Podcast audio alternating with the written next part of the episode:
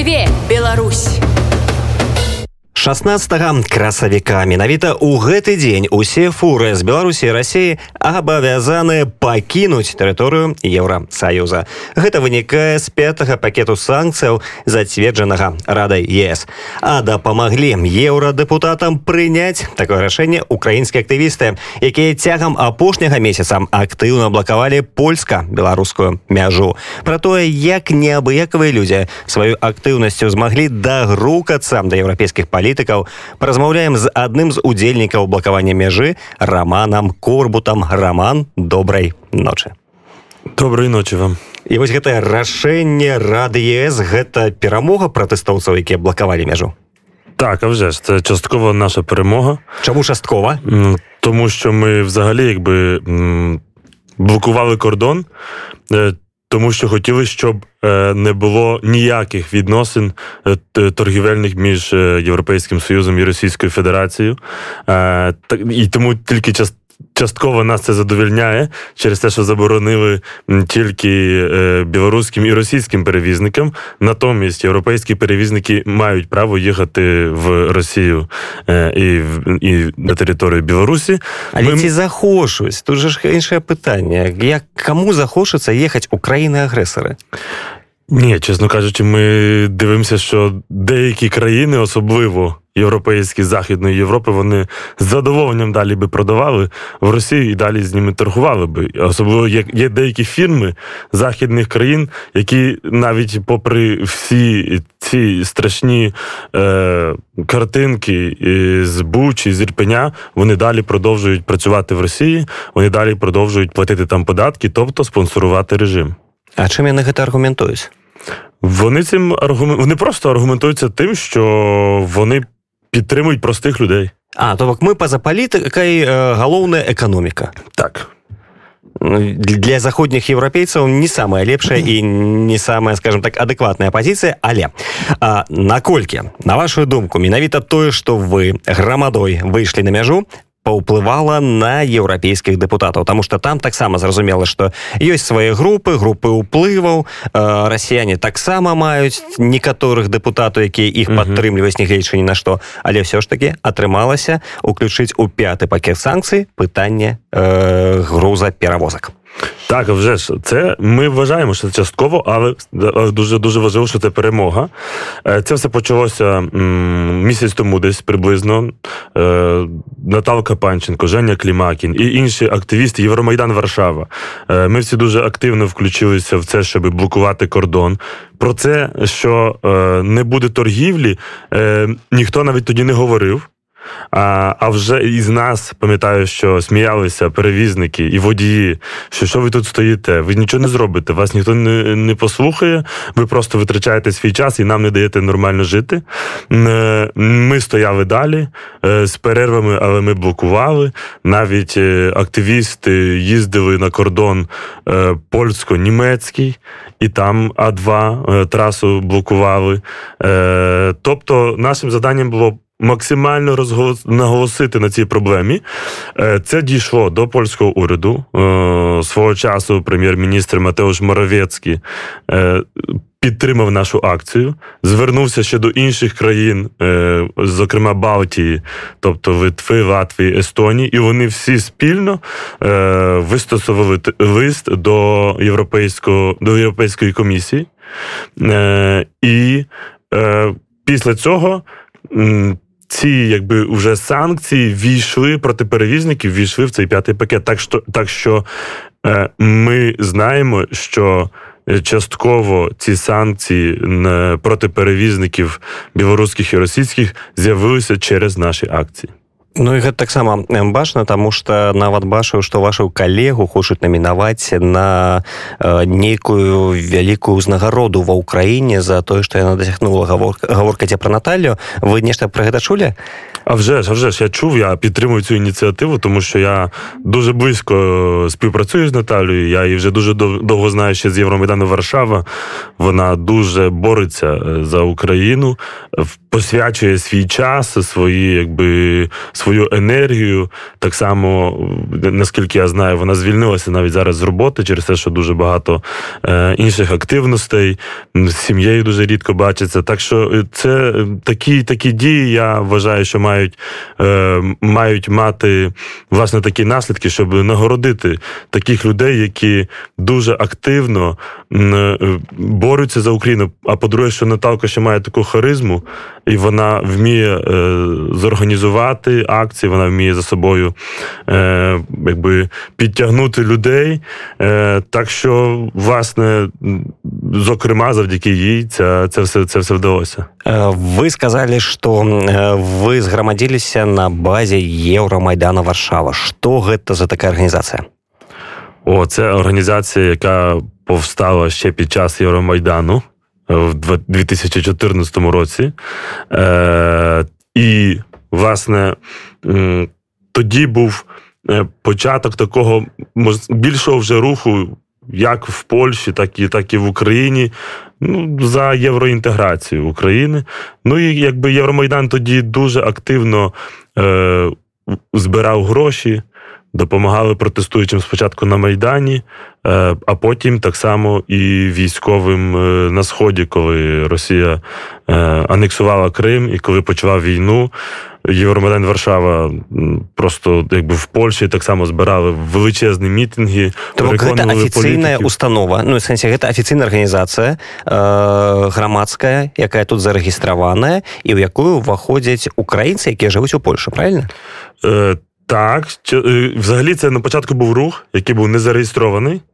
Е, потім вже є в нас е, фундація Євромайдан Варшава. У Білорусі просто любий незареєстрований рух, це можна було б уже году 10-15 тримати. Ну, на щастя, ми знаходимося в Польщі, так що якби тут такого немає. І через це є фундація Євромайдан Варшава. Але, чесно кажучи, я дивлюся, що зараз це функціонує зовсім трохи по-іншому. Зараз я бачу, що зникли такі, якби конфлікти, які раніше навіть може і були в українському середовищі, всі просто без е, жодних там упереджень працюють на те, щоб Україна виграла. Е, я бачу, що всі дуже об'єдналися. І нават ва ўкраіне вельмі паказальна калі былыя э, кіраўнікі парты рэгіёнаў выходзяць у форме выходзяць заходзяць у тэрытарыальную абарону і таксама абараняць украіну нават некаторыя пераходзяць на украінскую мову прынцыпова Мне здаецца гэта такі рухавік вельмі моцны і паказчык Ну я вважаю що взагалі Росія робить стратегічні помилки вже дуже давно, починаючи ще з Криму, починаючи з війни на Сході, через те, що ми, якщо подивимося е, на на Україну, то е, через те, що Росія анексувала Крим, через те, що забрала, можна сказати, Донецьку, Луганську область частину, окупувала, ну, вони забрали проросійських виборців. Е, вони себе позбавили, вони позбавили можливості того, що проросійські партії пройдуть в Українську Верховну Раду. І зараз цим діями, що вони почали війну, вони е, показують, вони забирають аргументи у проросійських політиків в Україні, щоб вони що-небудь сказали. А а деякі вже просто навіть не хочуть гратися в політику через те, що по суті зараз час якраз то не для політики. Зараз не є час, щоб маніпулювати, щоб здобувати якісь там позиції кращі е, серед, серед, серед суспільства. Зараз час просто воювати. І через те деякі люди ми ж прекрасно розуміємо, як працює політика. Там, е, наскільки я знаю, і наскільки я вже бачив, бо трохи був близький до до деяких політиків. Ну, В приватному житті вони знають, що вони роблять неправильно, але сама логіка їхньої партії, погляди їхньої партії, вони змушують їх робити то і інше. І через це навіть я чув, що е, коментарі українських політиків, які просто казали, що так, вони вони це робили, але це було просто для того, щоб власне за них проголосував проросійський е, електорат. Хоча, по суті, вони вже й були за Україною. Так що і зараз, якби ця ситуація їм дала можливість це прекрасно зробити і ще і ще довести українцям, що вони такі патріотичні, що вони борються за Україну. Хоча треба зазначити, що вони робили дуже погано цей весь час, коли вони е, підтримували російські наративи. Але пры гэтым трэба заўважыць што расейцы яны бомбардуюць менавіта тую частку Украіны якая часцей за ўсё на выбарах падтрымлівала менавіта прарасійскія сілы. То бок усход рускамоўныя. І цяпер прыйшлі у двукосе вызвалителя і я думаю былыя выбарцы бачаць хто да іх прыйшоў. Ну, як я вже казав, я вважаю, що Росія просто нон-стоп робить стратегічні помилки. Тому що те, що вони зараз розбомбили Харків, розбомбили Маріуполь, е, зауважте, будь ласка, що до до самого кінця, до самої війни, ну в Харкові були проросійські мери, в Харкові вигравали проросійські партії е, в Харківській області, і взагалі на сході України далі були навіть е, дуже сильні позиції проросійських партій. І, власне, зараз схід України найбільше через це е, постраждав. Що тут сказати? Це просто е, якби не вкладається в логіку нашу цивілізованих людей. Але якщо ми подивимося на історію, для російських політиків народ, навіть російський, ніколи не був важливий. Для них е, важливі якісь імперіальні цінності, які вже мені здається, що перестаріли. І я надіюся, що це якраз і будуть останні акорди Російської імперії. Ну, то бок э, жанчыны яшчэ панаражаюць отправляем детей на войну так, а так. жанчыны паробяць добра давайте вернемся все ж таки до да, ситуации на мяжы. І калі гэта ўзнікла ідэя вы ж першы раз поехали без нейкага дазволу. Вы поехали на абум як это адбылося? Так так так. Це було дуже дуже така е, спонтанна ідея. Е, поїхали активісти зайняли свої позиції. Це був початок сакавіка так, так, так. І, і йдеться про те, що щоб ми прекрасно розуміли, поляки в своїй більшості, і польська влада, і поліція вони були по стороні протестуючих. Протестуючих через те, що всі прекрасно розуміють, і адекватні люди в Польщі розуміють, що зараз Україна бореться так само за Польщу. Якщо, Якщо б українська армія не боронилася, то через років 10-15 Е, Умовно кажучи, з Перемишля пані Могужата з дітьми мусила б в Німеччину, а пан Мачек мусив би брати автомат і боротися проти російської армії, яка сюди прийшла. І це вже очевидно, що вона сюди точно що прийшла. Якщо ми зараз дивимося, наскільки Росія стає агресивною, е, і наскільки вона була агресивною, то, то, то це 100% було б. І ми це бачимо навіть серед польської поліції. Е, особливо, коли ми ось закінчували нашу блокаду, ми подякували дуже польській поліції, тому що вона е, дуже якби берегла протестуючих е, перед агресією деяких водіїв, перед агресією деяких польських водіїв, які так само не погоджувалися з тим, що вони не можуть далі продовжувати бізнес as usual. Е, Ну, але якби за це їм велика подяка. І по суті, ми не мали права блокувати дорогу. Взагалі в Польщі є право, ну якби згідно з правом люди не можуть блокувати дорогу, але нам це вдалося. Просто я з білоруської кропки гледжання. Калі беларускія міліцыянты бачаць, што адбываецца нейкі сход людзей, то ніхто не разбіраецца что там адбываецца хто што блакуе всіх затрымалі а там у пастаронку разбярэмся польскія праваахоўнікі працуюць не по такой схеме ні ні ні взагалі що ми розуміли я бачу що польська поліція вона дуже адекватна в тому плані що е, по-перше був момент коли нас було дуже мало і вони людей витіснили бо бо щоб ми вже так само дуже добре розуміли, вони не можуть переходити деякі границі права. Е, І якщо вже вони бачать, що там пару людей просто стоїть на дорозі, то вони просто взяли і витіснили цих людей на обочину, і і, і, і вантажівки поїхали далі. Але ми після цього зібрали більше людей і все-таки заблокували ту дорогу. Більше людей, політика... людей це кольки. Ну, більше людей. Потім я пам'ятаю, що було вже на вихідних, і по в день це було до тисячі людей, вночі це було 200-300 людей. І це вже, чесно кажучи, навіть уявіть собі, яка була б картинка для польської поліції, якби вони приїхали і били б цих людей, які стоять на дорозі, які підтримують Україну. Е, тут цікаво в демократичних країнах те, що на такі речі так само навіть державні структури звертають увагу, що про них подумає суспільство. Бо бо в демократичній демократичній країні е, все можна оцінити. Е, все можна критикувати, і такі дії так само, якби люди критикували. І поліція про це знає. Через це вона дуже обережно старалася працювати як з нами, так і з водіями. А калі казаць ввогуле агулам пра важнасць недапушчэння у ЕС знаходжання такіх расійскіх беларускіх фур гэта эканамічнае пытанне ці палітычнае Ну, це і і економічне, і політичне, особливо в 21 столітті, коли економіка вже стала частиною, можна сказати, політики. Е, Це економічне в тому плані, що навіть чисто з моральної точки зору, е, коли ми стояли на кордоні, то там так само і ліки ввезли, і особливо в нас була ситуація, коли угорська фура е, перевозила ліки, які ну майже 100% було видно, що це везуть, е, щоб лікувати російських солдат. Е, І тут, якби для нас це дуже страшно пропускати такі фури, через те, що ми знаємо, для чого вони туди їдуть. Таки, та потім такого солдата вилікують, і він знову піде воювати з Україною. А з другої сторони, політично, через що це через що це важливо, це буде безробіття.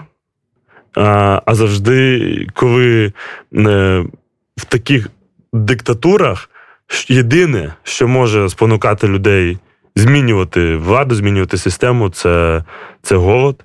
І це і це в голод такий, в тому плані, що немає грошей на нормальне існування, і люди вже починають кидати все і починають просто виходити. Ну хіба що це вже Північна Корея, але ми надіємося, що до такого вже не дійде, принаймні в Білорусі. Але ж фуры могуць развярнуцца і паехаць тады не на захад гандляваць, а на ўсход Кітай, напрыклад. Так, і це велика загроза. Якщо ви дивитися на це відверто, якщо Індія не долучиться до західних санкцій, це велика загроза для для нас, для західного світу взагалі. Бо ми так само маємо розуміти, що з пункту бачення, наприклад, е, навіть тої самої Америки, Україна це просто початок уже більшого більшого протистояння проти е, тоталітарних систем. Е, це взагалі починається в нашому столітті починається боротьба, що ми всі прекрасно розуміли, свободи проти в'язниці, е, демократії проти тоталітарних систем. Про це говорив Байден. І ми зараз всі е, повинні розуміти, що український солдат е, бореться за цінності Заходу. Зараз український солдат захищає свободу слова, права людини можливість вибору і все інше. І сваю зямлю перадусім. І свою землю, а вже ж.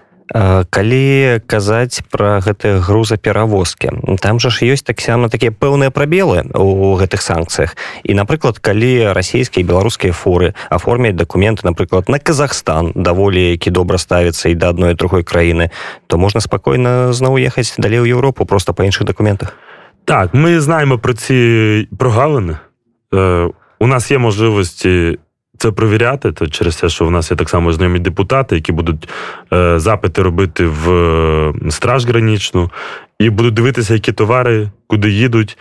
Е, Ну, щоб ви розуміли, ми не всі сильні, ми, ми дуже багато чого можемо зробити як прості люди, а, але це вже перший крок. Далі будемо дивитися. Якщо Якщо будемо бачити, що ті санкції в якийсь спосіб е, хтось обходить, то будемо е, старатися цьому зарадити і старатися придумати способи, щоб навіть ці прогалини закрити. Е, якщо будуть цими прогалинами зловживати, будемо старатися, щоб ці прогалини також закрили. Ми взагалі розраховуємо на те, що Путін і Лукашенко, як справжні альфа-самці, е, просто дадуть зеркальну відповідь європейським санкціям і закриють можливість е, європейським перевізникам їхати в Білорусі в Росію. І тоді, чесно кажучи, де-факто наземний товарообіг буде перекрито. Зломаті адморожу себе вуші. Прикладно така логіка. Так, так, так. Ну ми надіємося, вони ж там супер самці, так що так що може, може, може в них і вистачить сил. Але ёсць яшчэ большыя самцы і самкі альфа і мега-альфа гаворка ідзе пра людзей якія менавіта збіраліся на мяжы нягледзячы дзень ночы снег дождж распавядзіць больш падрабязна што за людзі блакавалі мяжу хто гэта прості люди. Прості. Росія не зрозуміла на кого вона напала Вона взагалі багато чого не розуміє про Україну. Вона не знає, що таке Україна. От вони просто відірвалися, сидять в своїй пропаганді. Вони, вони по-перше, думали, що вони як приберуть е, Зеленського, то вони виграють вже зразу всю війну. Вони думали, що якщо вони поприбирають лідерів, то вони виграють цю війну. Тільки українське суспільство це мережеве суспільство. Це як навіть виглядає зараз допомога тут. Тут немає якогось такого конкретного центру, централізованого, через який все йде. Тут 10 людей займаються і і взагалі незалежно від себе допомогою е, там бронежилет, ти, висилають військову допомогу. Е, Потім дехто висилає каски, дехто висилає гуманітарну допомогу. І навіть якщо когось одного не буде, все далі буде працювати. В цьому в цьому перевага взагалі мережевих систем над е, системою, наприклад, такою, що переберуть Путіна в Росії. І там уже кінець. Там там почнеться боротьба за владу. Люди будуть прості громадяни, вони ж не будуть знати, що робити. Не будуть знати, кому кланятися і кому лоба бити перед ким. Е, а з Україною взагалі інша історія. Так що там були на, на кордоні е, прості люди, які працюють. Хто на будові, хто десь на кухні. Але ж ви розуміли, це дуже талановиті люди. Ми там навіть стояли, це ще ночі треба стояти, співали пісні. Там у людей такі голоси. А це а це, а це звичайні е, водії фур, там так само з нами були. Українські, які які е, зараз просто в Польщі працюють, це вже старші такі чоловіки. Як вони прекрасно співали. Е, Шок. Там були прості жіночки, там були так само люди, які займаються в Польщі бізнесом, Е, там були студенти. Так що вони приїжджають з різних різних Польщі, міст. Так? так, так, так. Це просто приїжджали із Гданська. По-друге, там були білоруси, там були так само і поляки. Це не тільки, там не тільки були українці. Таке місце, де можна комунікувати, знайомитися і робити супольну справу. Так само немаловажно. Так, там дійсно там люди організовувалися, показували всі свої найкращі сторони. Е, І я просто побачив неймовірну силу в тому плані, що не можна цих людей просто перемогти, забравши когось одного. Це просто неможливо. Це я ж кажу, мережева система, це все там е, взаємо. Е, Підтримується, якщо чогось одного немає, то десь з іншої сторони ця е, ця сила прийде. Я нават бачу такі здымак дзе стаіць сям'я э, муж жонка і на руках дзіцёнак 5 месяцаў напісана што э, вось мой дзіцёнак блакуе мяжу А чым займаешься ў гэты момант ты так, ур, уражвае такі падыход так а вже ж бо ми маємо розуміти що дуже багато людей зараз активно включилися в допомогу Україні але є дуже багато людей і про це нам навіть говорять поляки що скажіть українцям хай вони не ходять до Ошон, і і щоб вони там не купували речі. Бо такі теж сигнали є. Що, наприклад, ми тут блокуємо, виходимо з плакатами під магазин і кажемо, не купуйте речі, бо вони е, фінансують війну, бо вони далі працюють з Росією. А деякі українці так само там ходять. Якби. Через те і такі такі картинки появляються, бо деякі люди приходять туди навіть з дітьми, і для них не є аргументом, що о, в мене маленькі діти, я, мабуть, сьогодні посижу. А ну, а, а інші люди просто навіть ходять далі і роблять, е, роблять м, купляють речі в Ошо. Е, Так що це, мабуть, картинка більше навіть для них, щоб все-таки задумалися І щоб люди менше собі шукали аргументів чогось не робити, а більше шукали прикладів і сил собі щось зробити. А як на пратэстоўцаў на мяжы э, глядзелі гэтыя кіроўцы фур і прычым я так ці была розніца хто гэта беларусы кіроўцы украінцы можа таксама былі можа тэарэтычна не ведае можа палякі былі расейцы ці была нейкая розніца ці была магчыма нейкая агрэсія у дачыненні для людзей якія блакавалі гэтую мяжу вже ж була агресія було було величезне незадоволення через те, що на першому етапі це весь час на першому етапі, потім пізніше так само це було. Просто що вже якби поліція старалася ще більше якби розмежити нас і і, і далекобійників е, водіїв. Е, була агресія через те, що вони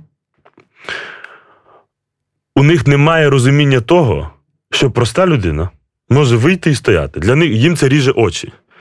коли ми розмовляли, бо в мене друг взагалі привіз рацію з собою, і ми виходили на їхню частоту і з ними спілкувалися, е, то їх просто бісило те, що прості люди вийшли, і вони щось хочуть змінити.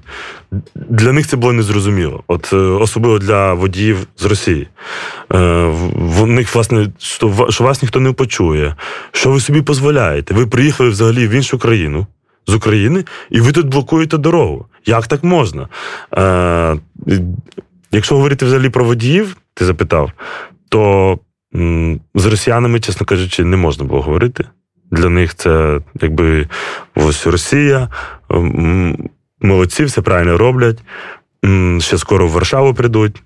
Так, там, Навод так. так, та, там були такі тексти, що ще скоро й до Варшави дійдемо. Е, я їм тоді казав: а для чого? Якби чому у вас є бажання, щоб Україна була під вами, щоб була Польща під вами? Е, кажу, наприклад, ви нам не треба. В тому плані, що давайте зробимо кордон, живіть як хочете. Ну він сказав, що Росії треба все. Якби і Польща, і, а і Україна. Є який аргумент? Ні, в нього Просто. якби не було. Так. Хай, хай буде. Хай буде, так, хай буде. Тому свой Челябинськ розвалюється, а ось чому би не долучити Харків? Так, так. Це, це власне, їх філософія, так їхня імперія завжди функціонувала. Я не впевнений, що Російська імперія може по-іншому функціонувати, чесно кажучи. І бо... вогуле імперії ж яны починають зникати, коли вони не пошираються. Так. В цьому, в цьому, в цьому вся її причина. Я думаю, що я не до кінця бачу сучасну Російську Федерацію як демократичну країну. Я не бачу, як це має працювати на ну, в реальності, на практиці. Бо ми можемо говорити там, підтримувати російську опозицію демократичну. Але по суті, якби як вона має працювати, я не знаю. Для для мене найкращим варіантом є просто зробити, як я вже деяким е, водіям говорив, Московську Народну Республіку і всі інші там республіки е, е, поробити. І щоб, чесно кажучи, Росія може бути демократичною тільки якщо вона буде нормальною, адекватною країною не такою великою, через те, що е, власне цар завжди об'єднував цю величезну територію зовсім різні люди. І якщо ми навіть пам'ятаємо, то в 90-х роках по суті це вже все і розходилося. Вже з'являлися в різних там федеральних е, республіках свої валюти. Ця якби дезінтеграція у них весь час буде проходити. Так що для нас завданням, щоб ви ніколи не вірили в ці демократичні байки про Росію, е, нашим завданням просто дотиснути Росію, щоб вона розвивалася. А коли казати про білорусів, як білоруські керовці реагували на протестовців? Е, По-різному, але вже було більше розуміння. Взагалі, щоб щоб ви розуміли, на останньому протесті, як ми говорили, то то ми е, розмовляли з водієм, який виявилося сидів взагалі на Окрестіно, який протестував. Він в той самий час, е, бо так само з'явилися інші водії, які були за Лукашенко, і вони вже між собою там ще сварилися. Це білоруська так само традиція сваритися поміж собою. Так, так, але якби ну, він він тоді говорив їм, що іншим тим про про Лукашенківським водіям, що а чому ви не відстоювали свій вибір? Е, Власне, власне, тут так само було видно цю дискусію серед серед, серед простих білорусів, і, і він нас, наприклад, розумів. Е, Багато білоруських водіїв розуміли і нашу позицію, і чому ми стоїмо. І вони дуже добре усвідомлювали, що що відбувається в Україні, що відбувається в Бучі, в Ірпені, бо відомо, що російські е, водії вони казали, що це все якби видумка, фейки. що це все фейки, е, що ви. Як це ж вони казали? Е, Ну, що ми якби проникнуті пропагандою, що в нас немає вибору. А я їм тоді говорив: слухайте, в Україні було стільки президентів, а у вас був тільки один, по суті. І це в кого немає вибору. Якби самі логічно подумайте, в кого є вибір, в кого немає вибору. В кого є партії, де можна вибирати, а в кого немає. Ну потім, якби в нього не було аргументів. Але там різні дискусії проходили. Чесно кажучи, було дуже багато нецензурної лексики. Ну што лагічна вельмі складана данесці свае думкі цэнзурнай каб цябе яшчэ пашулі тым больш ва ўмовах калі шмат людзей у кожныя свае інтарэсы у кагосьці эканамічныя у кагосьці ну, эканамічная гаворка ідзе пра кіроўцаў натуральна і пра людзей якія адстойваюць свае ну тэрытарыальныя каштоўнасці у тым ліку? Все ж таки так. тэрытарыальная цэласнасць Украіны гэта аснова і людзі за яе змагаюцца дзе б яны не знаходзіліся. Дарэчы таксама не магу не закрануць пытанне беларусаў. Ці ёсць ва украінцаў разуменне того что Беларусь гэта не лукашенко? Тому что натуральна апошнім часам з'яўляюцца у фейсбуку і не толькі паведамленні про тое что вось вы беларусы самі выбралі свайго лукашенко цяпер ён на нас напад нападае падтрымлівае рэжым Пуціна і ці ёсць ва украінцаў разуменне што ёсць людзі народ якіх там 80соткаў супраць і ёсць 20 якія падтрымліваюць але якія не з'яўляюцца прэзентантамі таго чым з'яўляецца па сваёй сутнасці Беларусь і беларускія ўлады ці ёсць гэты падзел беларускія ўлады і беларускі народ для украінцаў Я думаю, що він з'являється для більшості українців. Він з'являється. У мене, наприклад, вже давно таки, такий поділ був, бо ще коли я приїхав в Польщу, то вже Уже відразу е, я познайомився з білорусами, які показали мені справжній прапор білоруський. Це був біло-червоно-білий стяг. Який висить у нас, до речі, на балконі. Так, так, так, який висить на балконі. Е, для більшості українців це не було таке, таким очевидним. І, власне, через те мені здається, що була така агресія на перших, в перших днях. Е, через те, що танки їдуть з Білорусі, з Білорусі, Білорус, Білорус.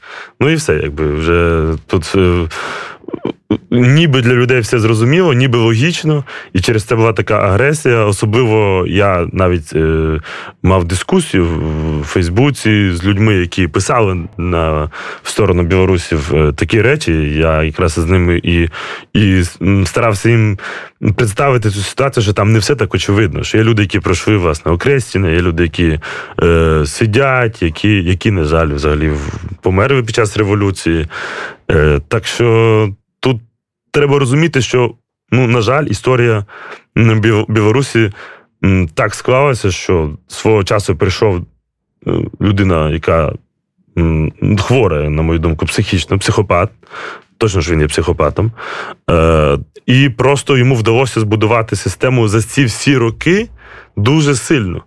Е, І її знищити не так уже і просто. Так само пашчасцілася беларускім народам, тому што наша ментальнасць мы так. за тое, каб неяк спакойна вырашыць любыя праблемы, любыя сітуацыі без агрэсіі. Але я власне у всіх своїх приватних розмовах пробую сказати білорусам, що це не так. Що це білорусам е, якби Йде така пропаганда ще з Радянського Союзу, а особливо навіть ще гімн білорусів, що ми, білоруси, мірні люди. Якщо ми подивимося на історію, е, на Велике Князівство Литовське, то білоруси не не сильно спокійні люди. І подорше, білоруси, і подорше ми білі розних. Білоруси дуже воювали. Білоруси знають, як це робити десь там далеко, але просто власне треба викинути оцю всю, е, вибачте, біліберду е, про братські народи, про це все, що там з Росії ми там будемо завжди і так далі. Коротше, білорусам треба згадати, що ось є батальйони, ось вже в Україні створюються. Я вже бачив відео, коли е, якраз батальйону Каліновського, де там кажеться, що ми пробували мирним шляхом вирішити проблему, але тепер вже, мабуть, буде і по-іншому. Я надіюся, що в Білорусі проснеться от реальне таке. М- Європейське бачення свободи, що це не приходить все просто так, що за свободу треба боротися або з диктатором, або з загарбником. Е, І я дивлюся на е, розвиток. В цьому плані білоруського народу дуже позитивно через те, що як я вже навіть десь раніше згадував, що навіть 3-4 роки тому ми не могли собі уявити, що будуть білоруські батальйони, що будуть хлопці з Білорусі, які будуть тримати зброю в руках і будуть воювати. А зараз ми вже це бачимо. Так що не покладайте надії. Я думаю, що Лукашенко ж так само не вічний. Там скоро може так само початися проблеми внутрішні, і економічні, і політичні. Е, Так що вже батальйони є. Активісти білоруські, я вважаю, що мають бути на поготові в кожну хвилину їхати групою величезною додому, і в Білорусі, якщо будуть там всередині в системі якісь турбулентності, то активісти мають це дуже правильно і вчасно використати, щоб не було такого, що там, наприклад, починає система падати. А а тут, якби ну, люди не знають, що робити, чи їхати, чи не їхати. Я вважаю, що білоруси мають ось ждати цей момент, коли ось починає тріщати щось, Сідаємо в машини, в автобуси, і в мінську починаємо розганяти цих всіх цю всю банду. А хлопці з батальйонів білоруських, я думаю, так само будуць асноўнай вайсковай Да. адзінкай роман хочу падзякаваць за гэтую размову на вялікі жаль у нас вельмі хутка скончыўся час. І нагадаю нашим служахачам што гостцем радыё унет быў мой цёзка роман корбут. Гэта удзельнік блакавання польска-беларускай мяжы а таксама украінскі актывіст дзякуеш раз дуже дякую. Добраніч.